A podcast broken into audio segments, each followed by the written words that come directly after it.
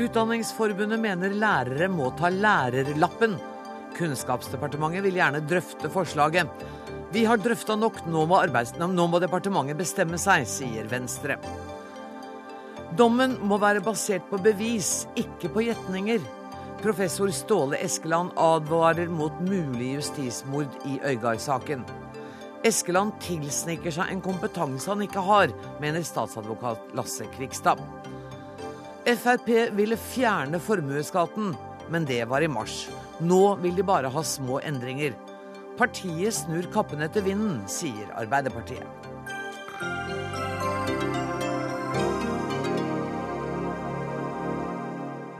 Dette er noen av sakene vi skal snakke om i løpet av sendinga, der vi også spør er Kina i ferd med å tilgi Norge. Jens Stoltenberg og Kinas statsminister har nemlig møttes til samtale i dag. Men først i denne sendingen skal vi snakke om lærersertifikater. For akkurat som vi forsikrer oss om nivået på alle som kjører bil, med kjørerprøver og førerbevis, bør vi forsikre oss om at de som utdanner skoleelevene her i landet, holder et visst nivå. Og leder Mimmi Bjerkestrand, lærerlappen, eller sertifisering av lærere, det er ett av Utdanningsforbundets forslag på dagens landsmøte. Går det an kort å forklare hva det skal innebære? Ja, hvis jeg først får lov å si, eh, Anne Grosvold, at eh, journalister og politikere gjør det som de er gode på, det er å forenkle for at folk skal forstå. Ja, det er jobben vår. Ja, og det har jeg veldig forståelse for. Dette er ingen lærerlapp. Det er ingen eh, sertifikat for å være lærer.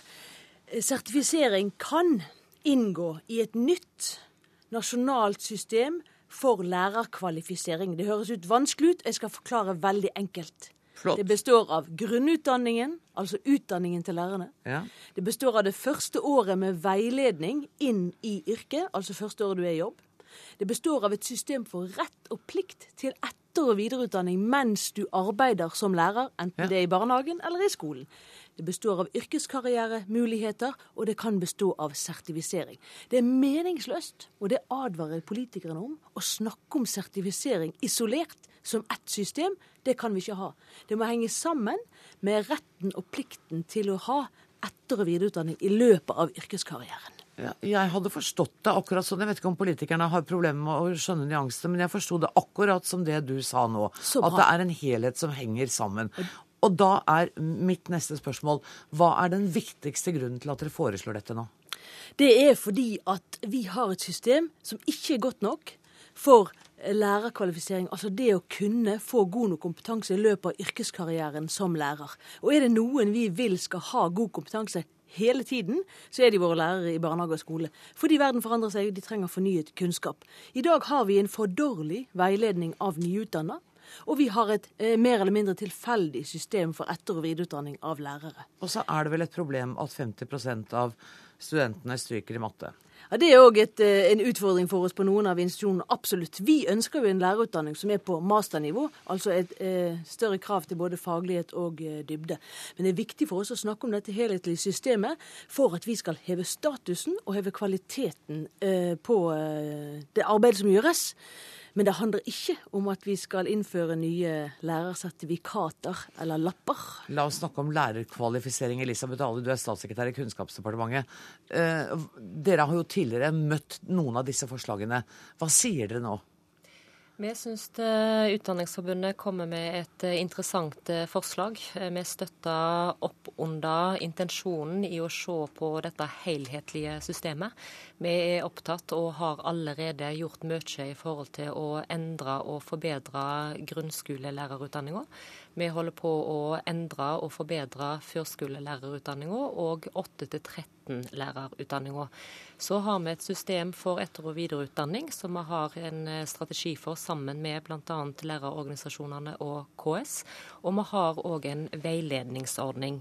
Hvorfor at, kommer de med dette? Hvis dere har, hvis dere har gjort alt, hvorfor kommer, må de komme med disse forslagene da? Det er mye som er gjort, eh, og vi mener at det mer kan gjøres. Eh, Så da å ha et godt samarbeid nå med lærerorganisasjonene og KS, sånn som vi allerede har eh, etablert gjennom et GNIST-partnerskap. Da vil vi videreføre. Og da har òg nettopp da vært et tema om sertifisering i dette GNIST-partnerskapet. Da brukte du det ordet igjen. Du ja. må ikke det, skjønner du, for da blir Rune sånn lei seg. Ja, nei, GNIST-partnerskapet da er Nei, det var en sertifisering jeg tenkte på. Det var det ja. ordet vi ikke likte her. Jo, men sertifisering som en del av helheten.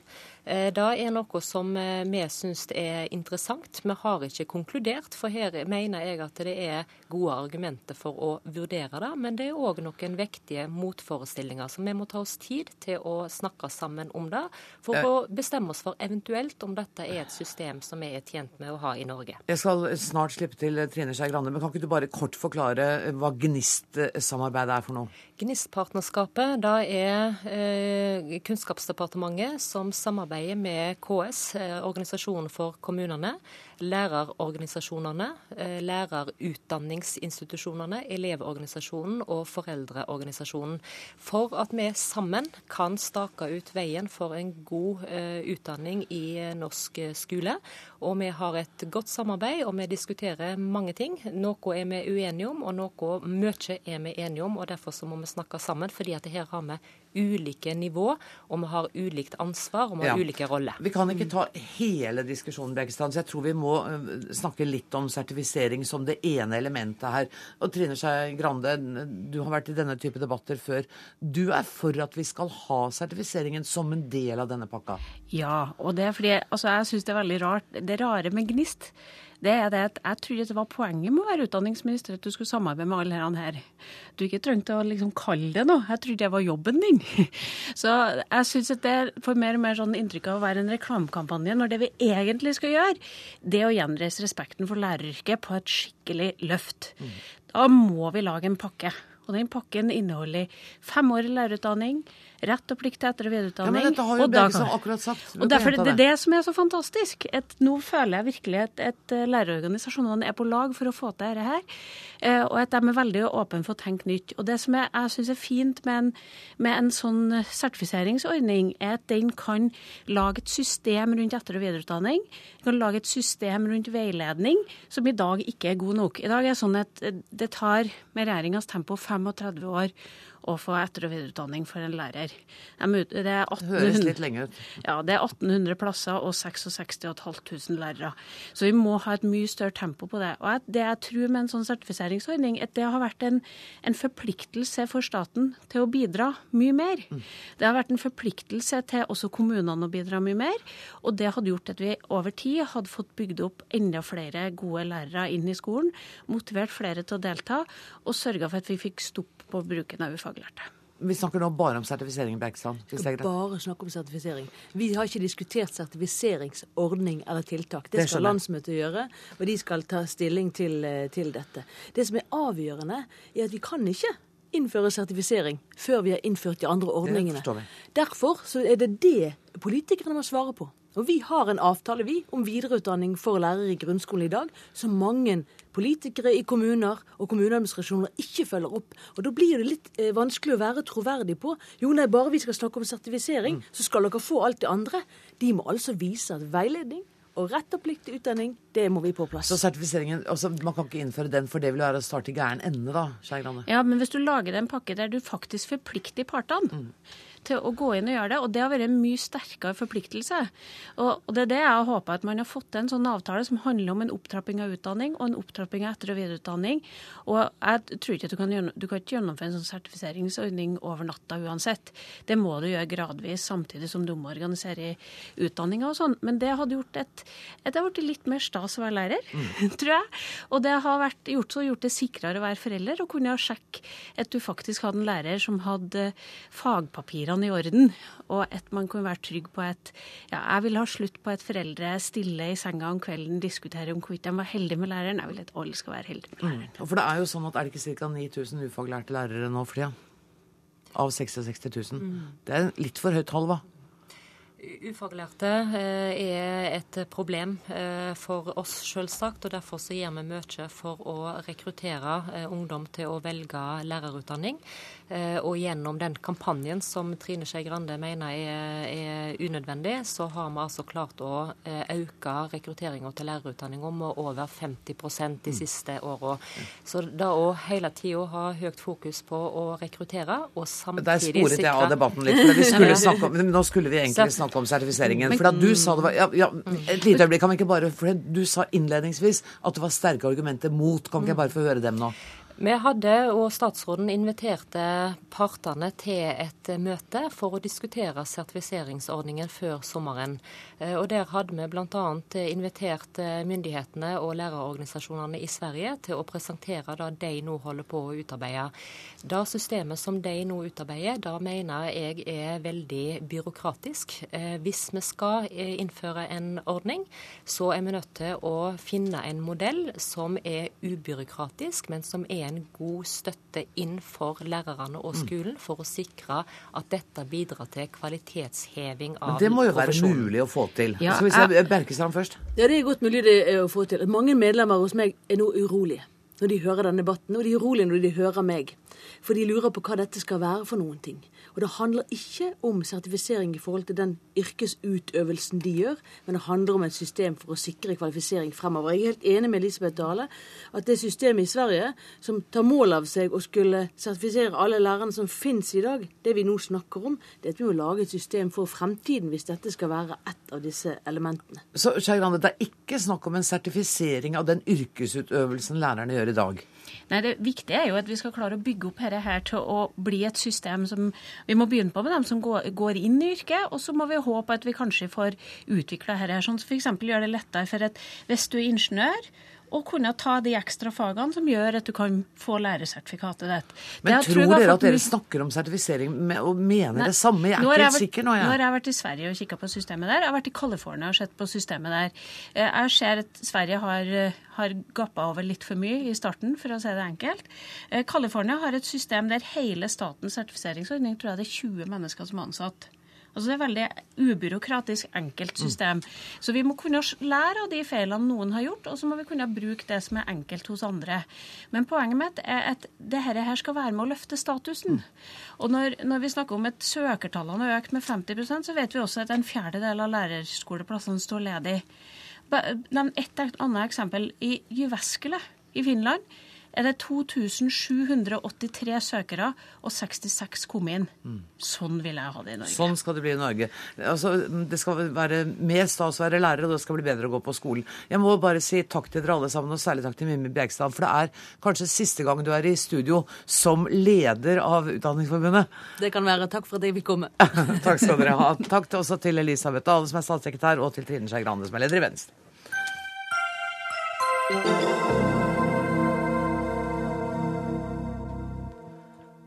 Kinas isfront mot Norge kan være i ferd med å smelte. For i dag hadde supermaktens statsminister og vår egen statsminister Jens Stoltenberg samtaler på bakrommet under en konferanse i Laos.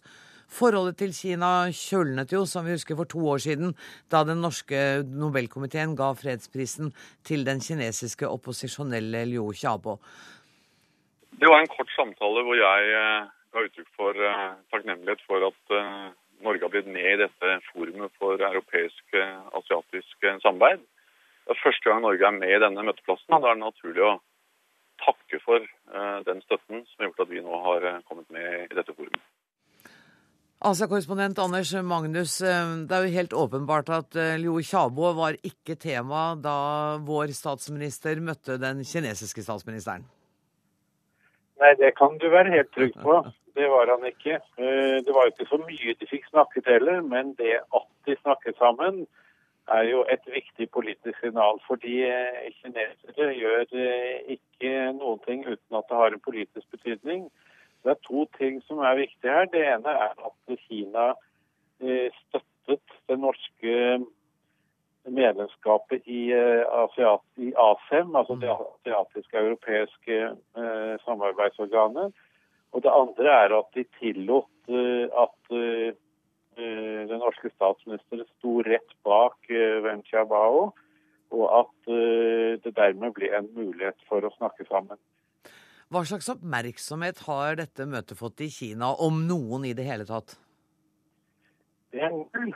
Eh, eller møtet har fått opp masse oppmerksomhet, men ikke møtet med Eller ASEM-møtet har fått stor oppmerksomhet, men ikke samtalen mellom Wen Jiabao og eh, Norges statsminister Jens Stoltenberg. Det er ikke dekket i det hele tatt.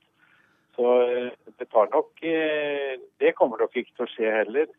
Det skal nok mye mer til før det blir noen offisiell endring av holdningen til de kinesiske myndighetene overfor Norge. Så her gjenstår det mye arbeid. Hvis dette her er starten på nedsmeltingen, så skal det mye varme i tillegg til før isklumpen er helt borte. Men, men, hvordan opplever du det i ditt daglige liv i Kina? Er det noen tegn til at uh, det begynner å normalisere seg? Nei, eh, tvert imot. Men det henger sammen med at uh, vi journalister generelt har fått det mye, mye strengere enn en vi har hatt tidligere. Det har bare blitt verre og verre i de to årene jeg har vært der, og særlig nå foran den dette, denne 18. partikongressen som begynner eh, ganske snart, eh, på torsdag. Og så har det blitt fryktelig mye innstramminger, både når det gjelder eh, internett, men også alle andre måter å, å rapportere på. Så, så de stramme grepet kommunistene foran sånne partikongresser bestandig, men dette her er de som har opplevd den forrige partikongressen, sier at dette her er verre enn det har vært tidligere. Tusen takk for at du var med i Dagsnytt 18, ASA-korrespondent i NRK Anders Magnus. Mette Halvskog Hansen, du er professor i Kinastudier ved Universitetet i Oslo. Også du var litt overrasket over tidspunktet for samtalen mellom eh, Stoltenberg og Wen Ja, På en måte så øh, Noen av oss hadde forventet at det nok snart måtte begynne å skje noe. Øh, og at det kanskje ville ske efter vi hadde fået øh, det nye lederskiftet på plass, at liksom markeret hvem øh, der blir den nye ledelse. På den annen side så er nå Norge invitert med inn i det her ASEM-samarbeidet, og da er det kanskje likevel ikke så unaturlig at, at et første møte kommer i stand der, hvor det er litt sånn ikke altfor formelt, og allikevel har en, en viss sånn formell status. Men, men, tror du dette møtet har kommet i stand spontant? Nej, det er altså YD, øh, det norske YD har stor kompetanse på Kina, og de har bygget det opp øh, igennem lang tid. Øh, og er ganske overbevist om at de jobber hvor de kan på å åpne opp og få ligesom tøet opp forholdet mellom Kina og Norge hvor de kan. Jeg tror ikke at det er bare sådan helt, helt spontant og tilfeldig. Jeg tror i hvert fall det er noen der har jobbet bag kulissene for å få det her til, og det er veldig bra. Og det, og det er bra for Norge? Det er et viktig symbol, tror du det? Jeg syns det er en god nyhet. Øh, det er, det er ikke øh, hva skal vi si, sånn skjellsettende i den forstand at nå kommer alt til å bli tilbake til øh, normalen igjen i løpet av kort tid, men det er faktisk ganske viktig. Vi har, nå er det gått to år siden fredsprisen ble delt ut. Det er helt åpenbart i Norges interesse, og jeg vil påstå også i Kinas interesse, å begynne å normalisere forholdet. Og da er det klart at møde på altså møde i en eller annen form på så høyt nivå, det er en god nyhet for alle oss som jobber med Kina på en eller annen måte. Og det er en god nyhet for Norge, tror jeg. Og den, En av de grunnene til at, at, det vil være viktig for Kina, er jo deres interesse i Arktisk råd, ikke sant? Jo, det er en av grunnene. Jeg, jeg tenker det er flere grunner til at det her også er viktig for Kina. Det er lett å tenke at jeg er Norge er så lite, og det kan være det samme for Kina. Ja. Men det er flere grunner. Øh, det ene er Kinas interesse i å få observatørstatus i Arktisk råd. Øh, men det er ikke bare det. det nå er det gått to år. Det betyr at om, Kinas omdømme, øh, også i forhold til andre lande, det slider litt altså, når man, når man markerer så kraftig øh, en reaksjon overfor et land som Norge. Øh, Norge samarbeider også med mange andre lande og trekker der igjennom samarbeidet inn med Kina. Det betyr at andre lande, næringsliv i andre lande, forskere i andre lande, begynner også å, å liksom, kan tenke ja, OK, der er virkelig en viss risiko øh, med å bygge opp øh, forretning eller samarbeid i, i Kina. Det er ikke godt. En annen grunn, hvis jeg kan peke på den, det er at øh, jeg opplever med de samarbeidspartnere jeg selv øh, har i Kina, øh, at folk undrer seg litt etter to år at det kan være problemer øh, for nordmenn der skal komme til Kina. Og så blir det litt sånn Å, det er pga. fredsprisen. Men det er jo gått to år. Så det blir liksom et ekstra fokus nesten på fredsprisen. Øh, fordi folk har litt glemt at det var det der var Eller altså mange i Kina har kanskje glemt, har glemt at det var det der var grunnen til at, at samarbeidsforholdet ble kølnet. Men, men, Kinas myndigheter har jo tradisjon for å ha lang hukommelse hvis de har følt seg fornærmet av en annen stat. Øh, ja da, men det er, likevel er de også ganske bevisste om hva det er i deres interesse. Øh, og jeg tenker det her kommer fortsatt til å ta tid, men det er også i Kinas interesse å få et bedre forhold til Norge. Nå, nå, starter partikongressen på torsdag, og i neste uke så får altså en, Kina en ny, sterk mann. Og det er vel ikke å spekulere for mye å si at han kommer til å hete Xi Jinping. Kommer det til å ha noen betydning for forholdet til Norge? Er det noe, ser vi noe linjeskifte i og med den nye ledelsen i Kina? Det har det vært mye spekulasjon i, og det, det kan nok skje. Altså, det er jo mange forskjellige typer forventninger til øh, den nye øh, toppledelse. Øh, noen forventer at der vil skje en liberalisering på det politiske side. I hvert fall er det jo en ny start på en måte. Mm. Og det vil være kanskje ikke så vanskelig for en ny ledelse og på en måte langsomt og uten de helt store symbolske markeringer og bare normalisere forholdet til Norge. Mm. Men det er ren spekulasjon. Vi vet det faktisk vet ikke. Men, men, det er en annen forskjell mellom Norge og Kina. for når, når, det er partikongress i Kina, da uh, blir virkelig alle mennesker informert om det som foregår. ikke sant? Da er det på alle TV-kanaler, radiokanaler, nett, overalt. Ja, det er det. Men det betyr jo ikke nødvendigvis at alle folk sitter klæbet til TV-skjermen for å følge med i det. Men folk vet hva der foregår. Men de som jeg øh, snakker med i Kina, er også ganske avventende i forhold til det her. Det er litt sånn OK, mer av det samme, kanskje noe nytt. Folk er avventende. Og mange sier vi må vente et år til halvannet før vi faktisk vet hva endring der vil skje med en ny ledelse. Og dere kommer til å følge intenst med, det er jeg helt sikker på. Det gjør vi selvfølgelig. Tusen takk for at du kom i studio, Mette Halskov Hansen, professor i Kinastudier ved Universitetet i Oslo.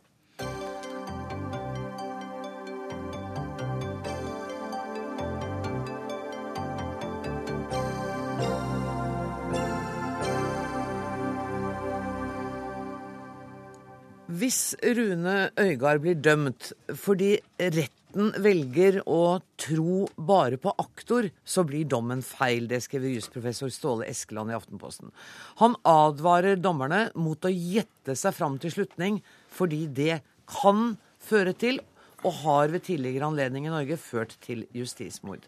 Ståle Eskeland, dette er ikke den første rettssaken der det mangler tekniske bevis. Mener du at dommerne i slike tilfeller er nødt til å frifinne?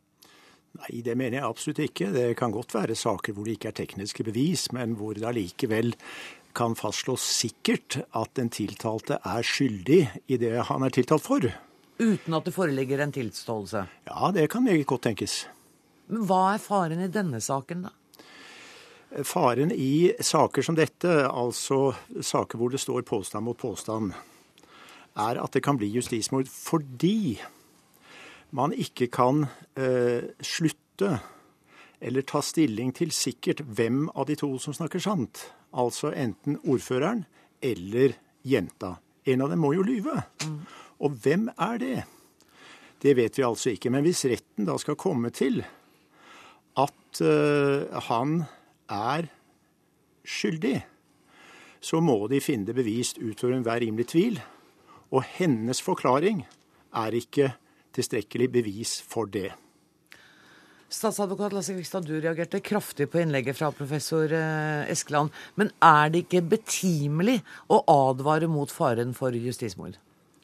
Jeg er sikker på at uh, forsvareren i saken klarer det på en utmerket måte uten hjelp av Eskeland. Hun har det fortrinn at hun er til stede i retten, fulgt saken hele veien. Hun uh, i likhet med de andre aktørene stiller på like fot. Jeg reagerer på to, flere ting i Eskelands artikkel. Det ene er at han eh, bruker sin professorkompetanse eh, til noe som han slett ikke har kompetanse til. Det er jo Bevisvurdering er inngår ikke i hans fagkrets. Det er jo først og fremst rettsregler professorer er flinke til på Det juridiske fakultet.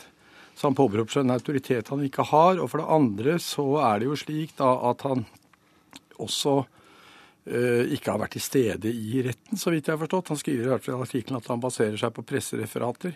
Det er jo en nokså upålitelig kilde for å avsi dommer. Vi har jo ikke noen folkedomstol. Da kunne jo alle skrive leserinnlegg à la Eskeland og mene hva de ville, men det er ikke sånn det fungerer i, vår, i vår, vårt land. Eskeland, har du manglende kompetanse når det gjelder bevisvurdering f.eks.? Jeg har arbeidet med bevisspørsmål i 15 år.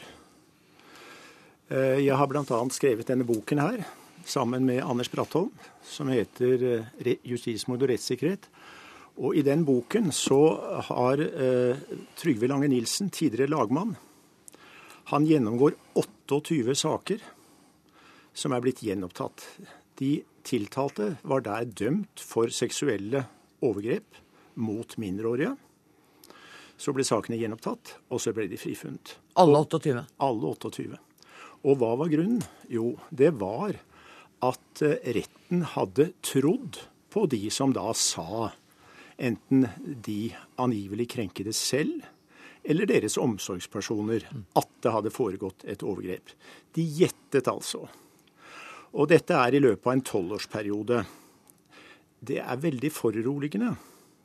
Og jeg syns nok det at eh, det er betimelig da, med den forskningen som jeg faktisk har bedrevet på dette feltet, at når jeg ser det som utspiller seg i eh, Vågå-saken, hvor eh, partene da setter alt inn på å styrke eller svekke henholdsvis tiltaltes og fornærmedes troverdighet, mm. at det da er betimelig å advare.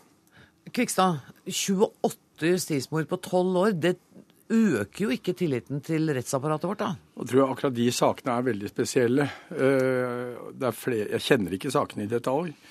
Men eh, det er jo ikke spørsmål om regelkompetanse her. Det er spørsmål om å vurdere bevis i en straffesak. Og som kjent er det jo legdommere som har det avgjørende ordet i slike ting. Men først og fremst så syns jeg Eskeland eh, burde unngå å mene noe om saker som faktisk er oppe til doms.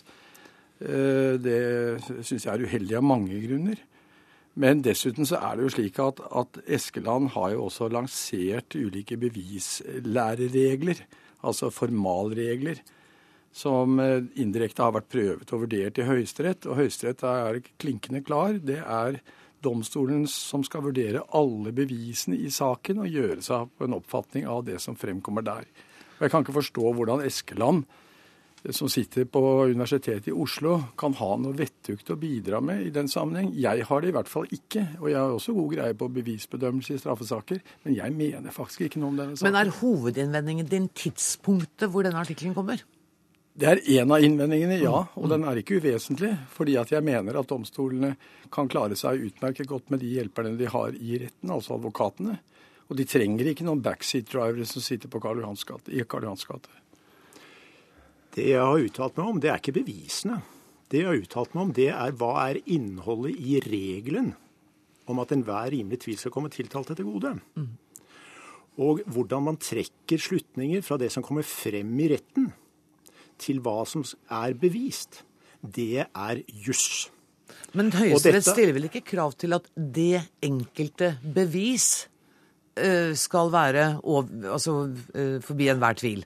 Det er den samlete vurderingen, ikke sant? Nei, absolutt ikke. Og det Nettopp. ville være absurd med et sånt krav. Og jeg har heller aldri hevdet det. Jeg skriver akkurat det samme som Høyesterett skriver nettopp i denne boken. Så hvor Kvikstad har dette fra, at jeg skulle hevde en sånn absurd oppfatning, det vet jeg ikke. Ja, Nå er jo det mer en tilfeldighet. da. Den saken jeg refererer til, hadde prosedert jeg selv i Høyesterett. Og eh, det fremkommer Det var hyppige sitater fra Eskeland i lærebok akkurat i den saken, men la nå det ligge. Jeg forstår fortsatt ikke hvordan Eskeland kan gjøre seg opp en oppfatning av bevisene i en sak hvor han ikke selv er til stede. De aller fleste av oss har gjort oss opp meninger om den saken basert bare på det vi leser og ser på TV. Ja, men det er ikke betryggende. Det er aktørene i retten og dommerne som har det beste inntrykket. De kan se, vurdere totaliteten. Og det er ikke slik at det bare er påstand mot påstand, men det vil vel antagelig være en del omstendigheter rundt som sier noe om troverdigheten. Det kan være spørsmål om, eh, om, eh, om forklaringen er konsistent, om de har endret seg osv. Men ikke på For det, det som ville bekymre meg, var om, om, det handler om hvorvidt du virker sympatisk eller ikke, hvor, hvorvidt du er flink til å ordlegge deg eller ikke. Det, det er ikke det det går på. Det, og det er ikke slik at hvis det bare hadde vært påstand mot påstand, så er det vel, hadde kanskje sagt vært annerledes. Men det er jo, som også Eskeland er inne på, en del andre omstendigheter. Men jeg vil ikke gå inn i en diskusjon nei, nei, nei. om den ikke, saken. Ikke om denne saken, men om måten det, det gjøres på. Eskeland, var det nøye vurdert at du valgte dette tidspunktet? Det var veldig nøye vurdert, fordi dette ga en anledning til å reise det prinsipielle spørsmålet om bevisvurdering og hvilke farer det er for justismord når det ikke fins eh, eh, sikre bevis, ut fra en totalvurdering. Men i dette ligger det jo en mistillit til retten også, Eskeland, når du sier at de må ikke gjette. Men det, det vet de jo. Eh, vel, de vet selvfølgelig det på et sånt abstrakt nivå at de ikke skal gjette. Men det de ikke vet, ofte det er at de faktisk gjetter. Dette finnes det mye forskning på, eh, både i Norge og i eh, utlandet, og særlig i USA. Eh, så når det være sagt, når det gjelder dette med å ytre seg i offentligheten, så finner jeg Kvikstads bebreidelse mot meg at jeg, fordi jeg er professor ved Det juridiske fakultet i Oslo, at han bebreider meg for at jeg da ytrer meg. Jeg har faktisk jobbet med disse spørsmålene i årevis. Og hva skal vi med offentlighet i forvaltningen hvis ingen andre enn dem som er til stede i retten, skal kunne ytre seg? I gjenopptakelsessaker så vil det jo alltid være fortid, en fortidig eh, avgjørelse som man da angriper. Og den skal man da altså ikke kunne angripe fordi man ikke var til stede da dommen ble avsagt. Det er absurd. Ja, altså. Nå syns jeg Eskeland virkelig blander kortene her. Det er vel bred enighet om at eh, det mest sikre måten å danne seg et bilde av bevisene på, det er ikke bare å lese om de, men faktisk å være der, høre de, kunne stille spørsmål osv. Det er i hvert fall den ordning som Stortinget har ansett for å være mest betryggende, og vi har hatt den i alle år. Og da syns jeg man rett og slett kan vise domstolene den tillit at de klarer dette. Og i tillegg, hvis det da skulle bli en det, blir jo et resultat den ene eller andre veien, så har jo partene anledning til å anke dette. Mm, mm. Det er sånn som systemet fungerer. Og jeg syns ikke det er riktig av holdt på å si en professor å både bruke tittelen sin, men også kaste seg opp til en sånn slags overdommer før saken egentlig er oppe til doms. Ja, Det må jeg bare si at jeg, jeg er ikke overdommer. Jeg, jeg, har bare uttalt meg om eh, farene for justismord. Jeg har uttalt meg om hvordan denne regelen er å forstå. Og det er helt sentralt i min, mitt arbeid, altså. Og som lekperson så kan jeg bare si at eh, så vidt jeg har skjønt det, så er det sånn at uh, retten skal forholde seg til de opplysningene som kommer fram i retten. Så de skal da se bort fra ditt innlegg, akkurat som de skal se bort fra denne debatten i Dagsnytt 18. De skal ikke se bort fra mitt innlegg, men de skal selvfølgelig ikke ta i betraktning andre enn de tingene som er kommet frem i retten når det gjelder bevisene. Det er jo helt sikkert. Der har jo Eskeland altså ikke vært altså i retten. Tusen takk for at dere kom, statsadvokat Lasse Kvikstad, professor Ståle Eskeland.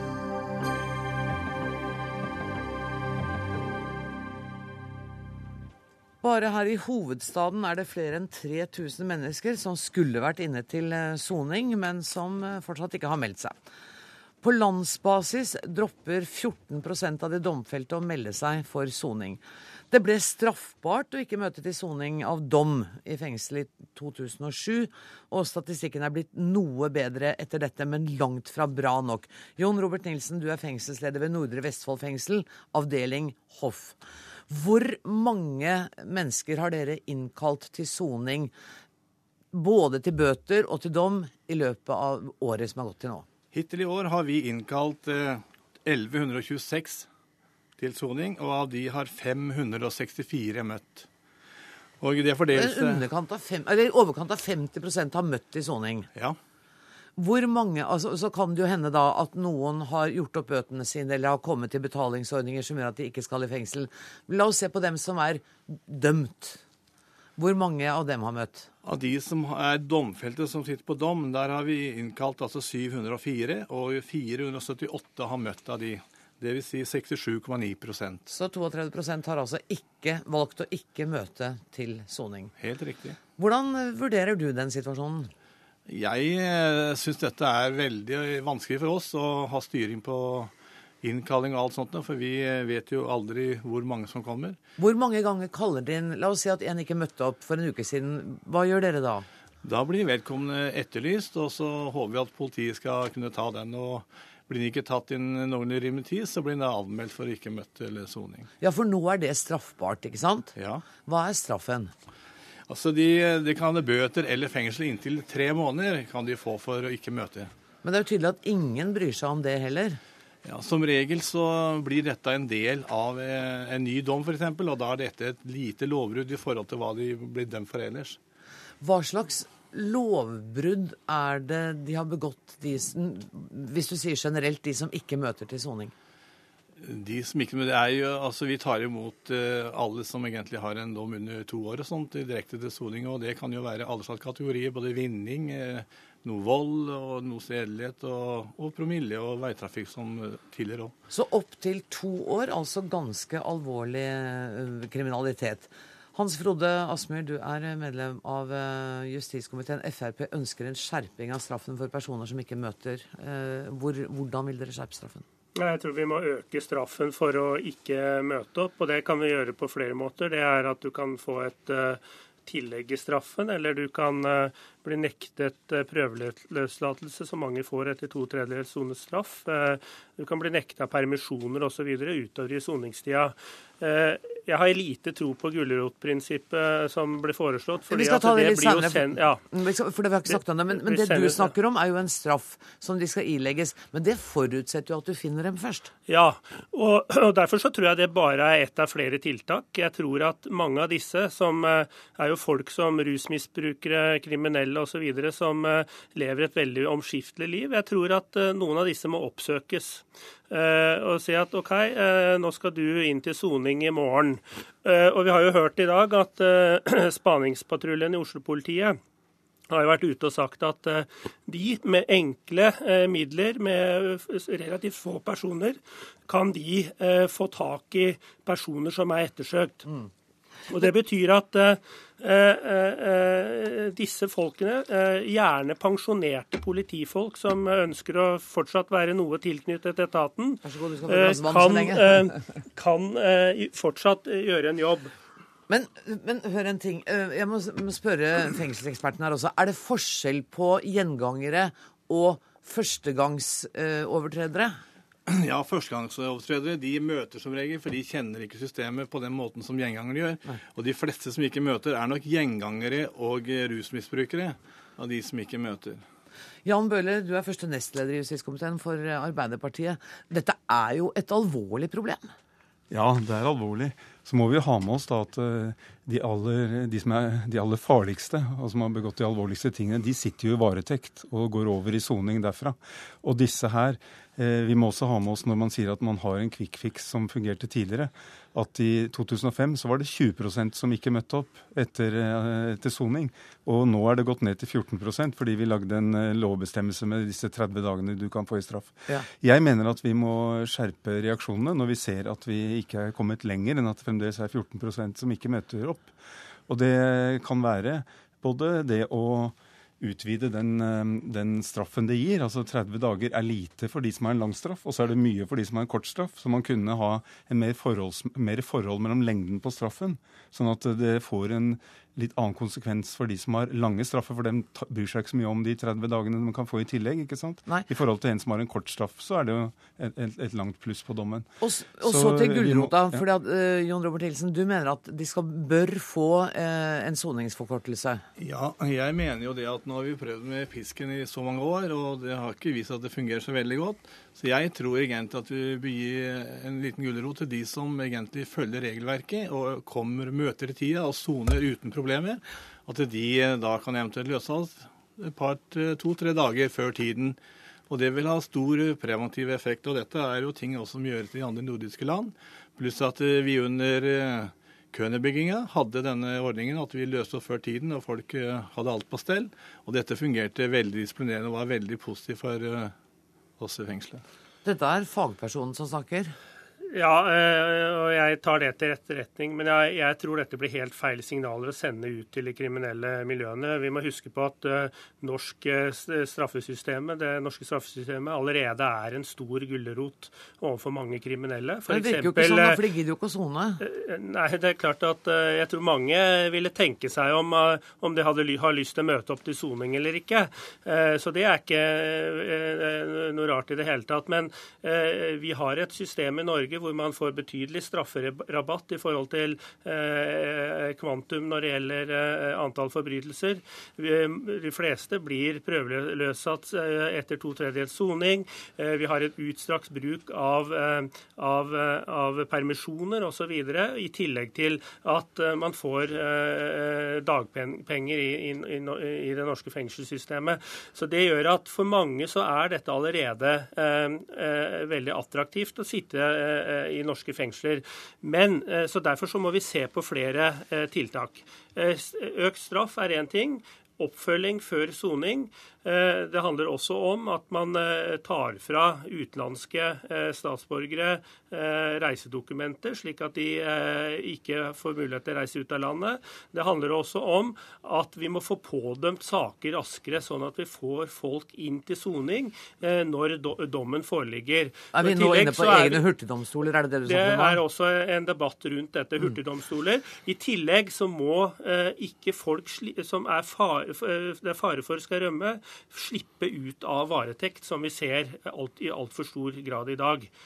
Det ser ikke ut som Jan Bøhler er veldig interessert i det du sier nå. Er du, er, du så ut som du var litt fjern akkurat nå. Nei, jeg syns det ble liksom mye av den eh, generelle leksa, da. Men det var jo så veldig jeg, konkrete jeg tiltak her, da. Ja, altså den, eh, den, eh, Jeg tror ikke på det å gi en gulrot for å møte opp, at du da skal slippe ut tidligere. Det, jeg skjønner tankegangen at man skal premiere, men det er jo en plikt og en selvfølge at man møter opp til å sone en dom. Så jeg tror ikke det er der vi bør gi gulrøtter. Og så tror jeg ikke som Asmyr at det er riktig at folk ser det som attraktivt å sone. Men jeg tror hvis man sammenligner med fengsel i Romania eller Litauen og sånn, så er det andre soningsforhold. Ja, Men det er jo fordi vi ønsker at folk skal komme ut som gode medborgere og, og utvikle seg når de sitter i fengsel. Men, men er det men, ikke noe med å effektuere de lovene og det regel, regelverket vi faktisk har? For vi, altså Loven mm. om, om, at det var forbudt å ikke møte til soning, kom i 2007. Ja. Eh, ingen ble anmeldt for ikke å møte til soning. 2008 ingen anmeldt for ikke å møte til soning. 2009 ingen anmeldt for ikke å møte til soning. Og i 2010 så ble drøyt 50% av dem anmeldt, eh, og det samme for 2011. Mm. Jeg vet ikke hvor avskrekkinga ligger Nei, her. De tallene bør ikke være sånn. og Det er jo også kriminalomsorgen. som da, eh, det, det, heter jo i instruksen at de skal anmelde når de ikke møter til soning. I hvert fall når det er gått 48 timer og de da ikke har møtt opp etter fristen, så skal de anmelde. Sånn Der må også kriminalomsorgen gjøre jobben sin. Og så må de, når de innkaller til soning, informere godt om konsekvensen av ikke å møte opp. At du kan få en straff at det kan få konsekvenser for prøveløslatelse seinere. Det bør også kunne få konsekvenser for vurderinger av permisjoner og den type forhold. Sånn at de blir klar over at det får konsekvenser for soningen hvis de ikke møter opp. Men det viktigste nå er vel å få de Det er altså over 3000 i Oslo. De er jo ikke folk bare fra i år, da, men som går ute og som skulle vært i soning. Mm. Og på Hoff har dere plass til eh, Dere har jo ikke full beleggsprosent? Nei, vi har plass til 109, og i dag har vi nærmere rundt 90. Hva, hva gjør vi for å få løst dette problemet? Nei, dette viser jo eh, at dette skaper store eh, ekstrakostnader. Og det gjør jo også at vi ikke får utnytta fengselskapasiteten godt nok. Så dette er alvorlig. Jeg har i dag sendt et brev til justisministeren hvor jeg ber om eh, at hun eh, tar tak i dette. Og så får vi se om hun er enig med Bøhler. Det er jo ikke alltid de, de to er enige. Men eh, vi er nødt til å ta denne problemstillingen på alvor. Og det er klart at mange av disse er bl.a. rusmisbrukere. De er veldig godt for å komme inn, i, inn til soning for å få hjelp til å få løst rusproblemet sitt i eh, f.eks. en rusmestringsenhet som fungerer nå veldig godt i norske fengsler. Da tar vi en ny runde på dette når justisministeren har fått lest brevet ditt og er villig til å svare på det. Tusen takk for at dere kom. Jan Bøhler fra Arbeiderpartiet, Hans Frode Asmer i Fremskrittspartiet og Jon Robert Nilsen, som altså er leder ved Hoff.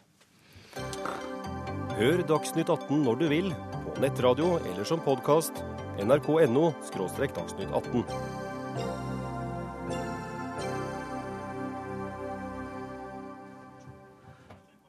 Frp vil ikke fjerne formuesskatten i ett jafs, men i sitt alternative budsjett vil partiet øke minstefradraget og frigrensen for skattekort. Ketil Solvik-Olsen, jeg håper jeg sa det riktig nå. Og du er finanspolitisk talsmann i Fremskrittspartiet. Så vidt jeg har skjønt, så er det forslaget til alternativt budsjett som dere legger fram i år, når det gjelder formuesskatt, noe annerledes enn det dere la fram i fjor når det gjelder retning? Totalt sett så gir vi større skattelettelse i vårt alternative budsjett i år enn det vi gjorde i fjor. Ok, men Kan vi ta formuesskatten? Så har vi innretta det litt annerledes. Vi gjør veldig store kutt på inntektsskatten. Der vil alle som betaler inntektsskatt få 5600 kroner i skattelettelse. Det er det viktigste for å stimulere flere folk til å jobbe og leve av sin inntekt. På formuesskatten så ønsker vi å både forenkle systemet, men òg å få fjerna formuesskatt. Men det har vi aldri sagt vi skal gjøre på ett år. Det har vi aldri foreslått tidligere. Men det vi gjør denne gangen, det er at vi øker bunnfradraget. Det betyr at med vårt opplegg så vil ytterligere 100 000 nordmenn slippe å betale formuesskatt, som i dag gjør det. Mm. Men i forhold til i fjor så er det en annerledes innretning når det gjelder formuesskatten. For i fjor var det ikke bare å ta bunnfradraget. Da reduserte vi prosentsatsen, så vi gjør det litt annerledes. Men målsettingen vår er den samme, og det er å få vekk formuesskatten. fordi at det er en ødelegger for norsk kapital. Og han bidrar òg til å øke prisene i boligmarkedet, som alle må lide for, ved at mange prøver å gjemme formuen sin i boliger. Hvor lang tid, hvis dere øker bunnfradraget sånn som dere foreslår nå, hvor mange år vil det ta før vi er ferdig med formuesskatten her til lands da? Ja, det er ikke en relevant sammenligningsgrunnlag. Hvor, Hvorfor ikke det? Hvor, nei, fordi at det at vi øker med en bestemt sats i år, betyr ikke at den kommer til å være lineær. Det som er vår målsetning, det er å fjerne den i løpet av en stortingsperiode. Så håper vi å få med Høyre, KrF og Venstre på det. Du har tidligere i dag sagt at dette er ikke noe hjertesak for Fremskrittspartiet. Og da holdt jeg på å si 'you could have fooled me', for det er da virkelig noe dere har snakka om ganske mye. Men etter at dere nå har kommet med budsjettlekkasjene, mm. så er ikke dette noe hovedpoeng i det hele tatt. Det er en av mange viktige skattelettelser som vi gjennomfører for å bedre konkurranseevnen til norsk næringsliv og for å bedre virkemåten i norsk økonomi. Men det er altså en av mange. Inntektsskatten er en annen viktig del av dette. Avskrivningsregler i næringslivet er viktig. Grunnen til at formuesskatten blir debattert så mye, det er jo fordi at de rød-grønne partiene stadig prøver å dra opp den for å skremme folk vekk fra en ny regjering. Men det er altså ikke vi som alltid drar fram formuesskatten. Vi drar fram den som en av mange. Den viktigste skattelettelsen vi foreslår nå, det er altså å øke minstefradraget på inntektsskatten. fordi at Det viktige nå er å få flere folk til å komme ut i arbeid. Derfor gjør vi det på skatt. Vi bedrer helsevesenet, så flere kan stå kortere tid og få sykepenger. Vi bedrer lærlingordningene ved å fjerne arbeidsgiveravgiften for lærlinger. Alt dette bidrar til å styrke arbeidsmarkedet, sørge for at flere jobber og lever av sin egen inntekt, og færre trenger å leve av staten. Mm. Vi er i et litt begrensa magasinprogram her, så jeg kan ikke ta alle budsjettpostene. Men Torgeir Micaelsen, du sier at dette er en sminket utgave av FrPs politikk. Men den er jo sminka i den retningen du liker det? Ja, for så vidt i den forstand at det er jo et litt annerledes Frp-opplegg på skatt. Solvik-Olsen har rett i det. Men jeg syns det er litt vanskelig å gi noen karakteristikk. fordi den 8. mars i år, han sier at det er vi rød-grønne som alltid reiser debatten om formuesskatt. Det er jo ikke riktig. Den 8. mars i år i Stortinget så ble det fremmet to representantforslager av bl.a. Solvik-Olsen mm. og et par andre Frp-representanter. Hvor forslaget lyd at uh, man skulle fjerne da, uh, litt på ulik måte, men fjerne skatten på, for, altså formuesskatten fra og med 1.1.2013. Ja. Uh, jeg visste ikke da, jeg tolket det som at det var å fjerne skatten fra et år til et annet. Mm. Det vil si, Hvis det nå ikke hadde blitt gjennomført, eller hvis det hadde blitt vedtatt, så måtte jo regjeringen fulgt det opp og lagt disse 15 milliarder kroner til side i det budsjettet. Så de bruker jo egentlig penger de ikke har. Ja. Men, men, la nå det ligge. Jeg, jeg, tenker at Det må være greit å si at man ikke skal gjennomføre ting på et, et år til et annet. Men jeg hadde kanskje tenkt at man tok i hvert fall første fjerdedelen, da, eller i hvert fall begynte. Og man klarer ikke, med all respekt, Ketil Solvik-Olsen, å fjerne formuesskatten med 130 000 kroner i økning i bunnfradraget. Da vil det ta veldig mange år å gjøre dette. Og jeg sier ikke at du må gjøre det på, på ett år, men kanskje på fire år da, hadde vært et rimelig anslag når du sjøl har foreslått i Stortinget senest i mars. Men det er jo det Solvik-Olsen sa også, at dere vil gjøre det i løpet av en stortingsperiode. Det, det, ja, det er målet, sant. Men du, det, kan vi ta det forslaget fra mars, bare så vi får rydda opp i det? Ja. Sa du det, eller sa du det ikke? Vi skrev det. Ja, vi skrev det, ja, og, vi, og, vi mente, og, vi, og, vi, mente det. fordi at målet vårt var å få Trond Giske eh, Navarsete og de andre fra de rød-grønne partiene som går ut og snakker om å fjerne formuesskatten på arbeidende kapital, til å faktisk vise om de mener det i Stortinget eller ikke. Alle de andre partiene i regjeringen stemte altså imot dette forslaget. Ja, og det, og, jo, men hør da. Det som vi legger til grunn når vi viser vårt alternative statsbudsjett, alle forslag som nå ligger til behandling i Stortinget som har provenyeffekt, altså har kostnader, de har vi lagt inn i vårt alternative statsbudsjett. Men det som de andre partiene har stemt ned, som er ferdig behandlet, som vi har sagt nei til, de legger vi selvsagt ikke inn i budsjettet vårt, for de kampene har, vi allerede tapt. Ja, men ikke, sant? og da, da, gjelder... da syns jeg det, det Jo. politiske spillet er interessant, for dere foreslår altså noe for Stortinget som dere vet at gitt den parlamentariske situasjonen vil dere aldri få gjennomslag for. Hvis de hadde overrasket dere og sagt ja, dette går vi for, da hadde jo dere sittet virkelig med skjegget på Nei, for da hadde vi jo jubla og gjennomført dette. Problemet er jo at Trond Giske, Navarsete og andre gir inntrykk av at de er for å fjerne formuesskatten. Når vi fremmer forslag om det i Stortinget, så stemmer de imot. Og når vi da går på et nederlag der, så legger jo selvsagt ikke vi inn stadige omkamper. Det har vi heller ikke lov til i det parlamentariske systemet. Men vi viser i vårt alternative statsbudsjett hvordan en Frp-regjering ville håndtert det handlingsrommet som er i norsk økonomi, og prioritert der, deretter. Og da sier vi klart at vi ønsker å fjerne formuesskatten, ikke på ett år, men i løpet av fire år. Så har vi fått røykt ut Senterpartiet, vi har fått røykt ut Trond Giske, at det de går rundt og forteller næringslivet om at formuesskatten er uheldig for norsk, eh, norsk næringsliv, det er ikke noe de kommer til å gjennomføre med dagens eh, regjering. Michaelsen. Men det samme argumentrekka Solvik-Olsen kan jo nå brukes på deg. Du har jo fremmet et forslag i Stortinget som ikke var verdt papiret det var skrevet på. og Jo, det er jo ikke sikkert mange i næringsliv. Nei, kan jeg, Det ble nedstemt, og derfor gjelder det ikke plutselig mer.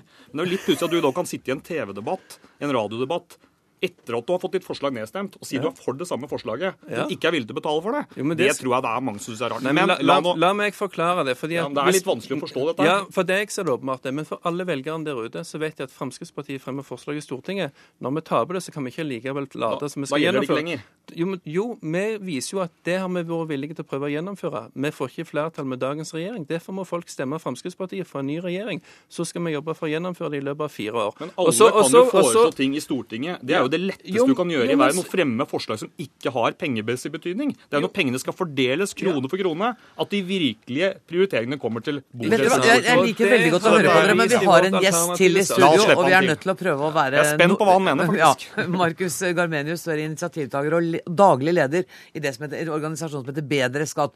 Og du har sagt tidligere i dag at du er skuffet over at Fremskrittspartiet modererer seg når det gjelder formuesskatten. Det jeg sa, var at jeg satte frokosten i halsen da jeg hørte nyhetene i morges. det gjorde Og, ja, og, feil. og jeg har jo hørt etterpå at var Han ble Altså Kjetil Solvik-Olsen ble litt feilsitert. Men det Han vi er- ble jo ikke det, for han har jo bekrefta det her nå. Nei, ja, altså han ble feilsitert på at han, dette, altså man sa at han Man skrev at han ikke ville fjerne formuesskatten, og så modererer han det til at det går over fire år. Dette sier både Frp og Høyre, og du kan si for oss som da jobber spesielt med formuesskatten pga. at det skader bedriftene og norske arbeidsplasser. Vi er litt utålmodige, så vi skulle gjerne sett at Frp våget å gjøre dette fortere, som de for så vidt har forsøkt på Stortinget, og vi skulle ønske at Høyre også gjorde det. Hva tenker du om det bunnfradraget som er hevet nå, da? I er- deres, i ja, deres Nei, budsjettforslag? altså Både det Arbeiderpartiet eller regjeringen har gjort nå, da, og det som Frp legger opp til, er jo bedre enn ingenting. Men dessverre, selv om en million kroner er mye penger for mange, så er det så lite når det gjelder en bedrift. Så et sånt bunnfradrag skulle vært hvis det er det som skal til for å fjerne mye av formuesskattens uheldige virkning, skulle vært veldig mye større. Hvor utålmodig er du på å få fjernet Altså, Holder det med én stortingsperiode? Det er veldig mye bedre at det skjer noe i løpet av en stortingsperiode enn at det ikke skjer. Og etter hva vi har skjønt på Arbeiderpartiet, så er det ikke meningen at det skal skje noen ting. Så derfor er jo, men altså hvis vi ser hva finansministeren har sagt, han sier at de kommer aldri til å fjerne formuesskatten. det er riktig. Det, så dere vil beholde den? Ja, altså, det er jo den mest interessante diskusjonen. Jeg, er, jeg mener ikke formuesskatten er perfekt, som mange andre skatter og avgifter. Men den har det ved seg at den bidrar med 15-16 milliarder kroner i felleskassa. Den bidrar til at folk ikke blir nullskattytere, og den bidrar til omfordeling i samfunnet. Derfor er jeg for den, har gjort den avveiningen. Det som er problemet til Solvik-Olsen, er at han er, altså for, han er ikke enig med meg i dette. Nei, det men, når har jeg kron- skjønt. men når kronene skal gjøres opp, når du står liksom mellom valget mellom veldig mange gode formål, slik man må gjøre når man skal styre et land, og da er det altså ikke formuesskatten i år har nådd opp i diskusjonen i FrPs stortingsgruppe. De har vist ansvarlighet da i år. Jo, men Ja, du kan jo ikke Ærlig talt, da. Vi foreslår å kutte formuesskatt med nærmere 1 milliard kroner. Det er 1 milliard kroner mer enn det de Da rød-grønne vil det ta 15 Så- år å fjerne formuesskatten Ja, med ditt tempo. Da, da får vi i hvert fall å fjerne den i løpet av 15 år. Men så kommer Og vi så, Ja, men ærlig talt, vi kommer til å trappe opp dette raskere. Så kan jeg like godt slå tilbake og si at når regjeringen skryter av deres jernbanesatsing, så bevilger de 50 millioner kroner i år til et jernbaneprosjekt som koster 3,2 milliarder kroner å gjennomføre. Mm. Det er altså 64-årstakt. Da er det bedre å gjennomføre noe på 15 år enn på 64. Men poenget poenget at når vi har fremmet et forslag i Stortinget, de andre partiene har stemt imot det, så kan ikke vi drive på å piske en død hest i budsjett etter budsjett. Da lar vi den ligge som har signalisert til velgerne at dette er noe vi vil kjempe for. Og så prøver vi å ta opp andre saker som vi håper å få gjennomslag for. Og da kutter vi altså statsbudsjettets inntektsside med over 20 milliarder kroner. Nå får vi kjeft fordi at det åpenbart er altfor lite, og det er jo hyggelig for Arbeiderpartiet. Men vi mener at det er viktig å både stimulere arbeidskraft og stimulere næringslivet til å investere mer, for det er godt for norsk økonomi, og det er godt for den enkelte. Mine herrer, det har vært så hyggelig å ha dere her, men nå må jeg si takk. Tusen takk til Ketil Solvik-Olsen, Torgeir Micaelsen og Markus Garmenius.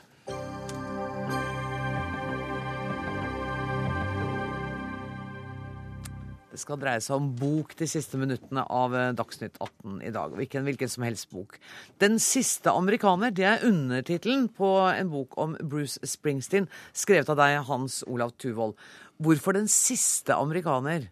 Det forsøker jeg på så vidt å reflektere noe om Norges forhold til Amerika og til amerikanere, da litt personifisert ved Bruce Springsteen. Jeg leste boka, men jeg tenkte allikevel at han er da neimen ikke den siste. Nei, det kan man si. Det er kanskje satt litt på spissen. Men eh, det har noe med det å gjøre at han også betegnes som den siste rockestjernen. Ja. Altså Det er enkelte som mener at når han er borte, så er den perioden borte. Og noe av det jeg skriver om, er kanskje det med, med rock'n'roll som vi i sin tid sa vi rock'n'roll forever. Det er ting som tyder på at det blir pensjon og død her også. du, i boka di, det, er jo et veldig, det handler jo mye om uh, Norge og forholdet til Bruce Springsteen. Og, og du skriver litt om dette rare fenomenet som gjorde at han han ikke ble Han var jo ikke stor i Norge i 1975 i det hele tatt. Han var vel knapt nevnt? Han, de første platene hans ble faktisk ikke gitt ut her i landet i det hele tatt. Og det er, det er litt det jeg beskriver, at det var ikke noe vits i dem ut heller. For det var ikke noe særlig marked for amerikanere generelt blant uh, unge folk midt på 70-tallet. For amerikanere de drev med stygge ting i Vietnam. Og nå er vi med og driver med stygge ting i Afghanistan sammen med amerikanerne. Så noe av det jeg prøver å skrive om, er hvordan beveget vi oss fra det ene punktet til det andre, og hvilken rolle hadde Bruce Springsteen oppi den? Og han hadde en ikke ubetydelig rolle. Og, og som for alle amerikanere av hans generasjon, så, så var jo Vietnamkrigen livsendrende. Han mistet jo bl.a. En, en venn og kollega eh, i krigen. Sjøl slapp han unna. Han vrei seg unna. Han dro på sesjon bakfull, en av de få gangene han har virkelig vært eh, bakfull. Eh, han nektet å svare på spørsmål, han oppførte seg omtrent som han var eh, tilbakestående. Og det resulterte i en dårlig samvittighet, som igjen har slått ut i kunsten hans. Og det finner du. Er en hel generasjon amerikanske menn hvor dette her var virkelighet. Du måtte enten dra til Vietnam eller komme deg på college eller ljuge deg unna. Og en av grunnene til at amerikanske Vietnam-veteraner ble så ignorert som de ble eh, veldig lenge etter krigen, var jo nettopp det at landet var fullt av folk som hadde dårlig samvittighet, blant dem Bruce Springsteen. Mm. Og så skriver du, og så syns jeg eh, veldig billedlig og fint, om, om, forholdet til faren, som jo forandrer seg fra denne dype beundringen. og og til, for å si det mildt, en avstand. Hva, hva, var det som skjedde med Douglas? Det som skjedde med Douglas, var det som skjedde med veldig mange menn av den generasjonen som var i, i krigen. Eh, Steve Van Sant, Little Steven, snakker også om dette her, at disse gutta kom hjem fra Europa med skalpen til Hitler i, i sekken og, og, trodde de virkelig hadde liksom skapt eh, det forjettede land for sine barn, og så opplever de at barna er eh, oppkjeftige og ikke takknemlige. Så det, En gang i tiden så hadde vi noe som het generasjonskløften. Mm. Så det som skjedde med Bruce eh, Springsteen og hans far Douglas, var at de havnet på hver side av den. Og eh, Douglas viser veldig mange tegn på det å være ganske traumatisert av, av krigsopplevelsen. Og var dessuten en innesluttet mann, følge det du skriver? Ja, en, en svært uh, lukket fyr som, som, hadde problemer med å kommunisere. Og det hadde for så vidt Bruce Springsteen også. Han hadde i researchen funnet ut at han holdt seg med kjærester da han var ung, for det var så dårlig til å snakke, så han lot kjærestene stå for snakkinga. Litt sånn som mora hans, for hun var jo livlig og med på konserter og dansa blant publikum og ble tatt opp på scenen og var en helt annen type. Moren til Bruce Springsteen og hennes lille transistorradio på toppen av kjøleskapet hjemme er nok den viktigste årsaken til at den mannen ble artist. Tida løper så fort fra oss. Eh, men eh, et av høydepunktene i boka er jo ditt intervju med Bruce Springsteen i, eh, i Birmingham. Altså, du får la oss få kortversjonen. Nei, Det som skjedde, var rett og slett at jeg skulle egentlig intervjue ham før konserten. og så Ved en inkurie så ble det etter konserten, så jeg ble låst inn i garderoben hans. Og jeg var fryktelig nervøs. Jeg hadde ikke noe spørsmål. Jeg visste ikke hva jeg skulle spørre om.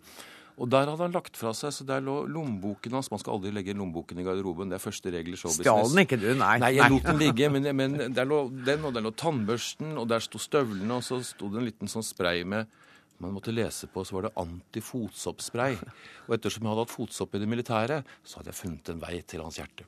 Og det gjorde du, for han ba om å få treffe deg igjen neste gang det var konsert, og du tok en øl med Vet du hva, det er helt forferdelig å måtte si det, men eh, jeg må bare understreke også for de som ikke vet at da du møtte ham og intervjuet ham, så var du faktisk, og er, musikkjournalist. Så det var ikke bare en fan som møtte, møtte Bruce Springsteen. Tusen takk for at du tok deg tid til å komme til Dagsnytt 18. Denne sendinga er slutt. Jeg sier altså takk til Hans Olav Tyvold. Ansvarlig for sendinga i dag var Sara Victoria Rygg. Det tekniske ansvaret har Karl Johan Rimstad. Jeg heter Anne Grosvold og er på plass igjen i morgen. Takk for nå.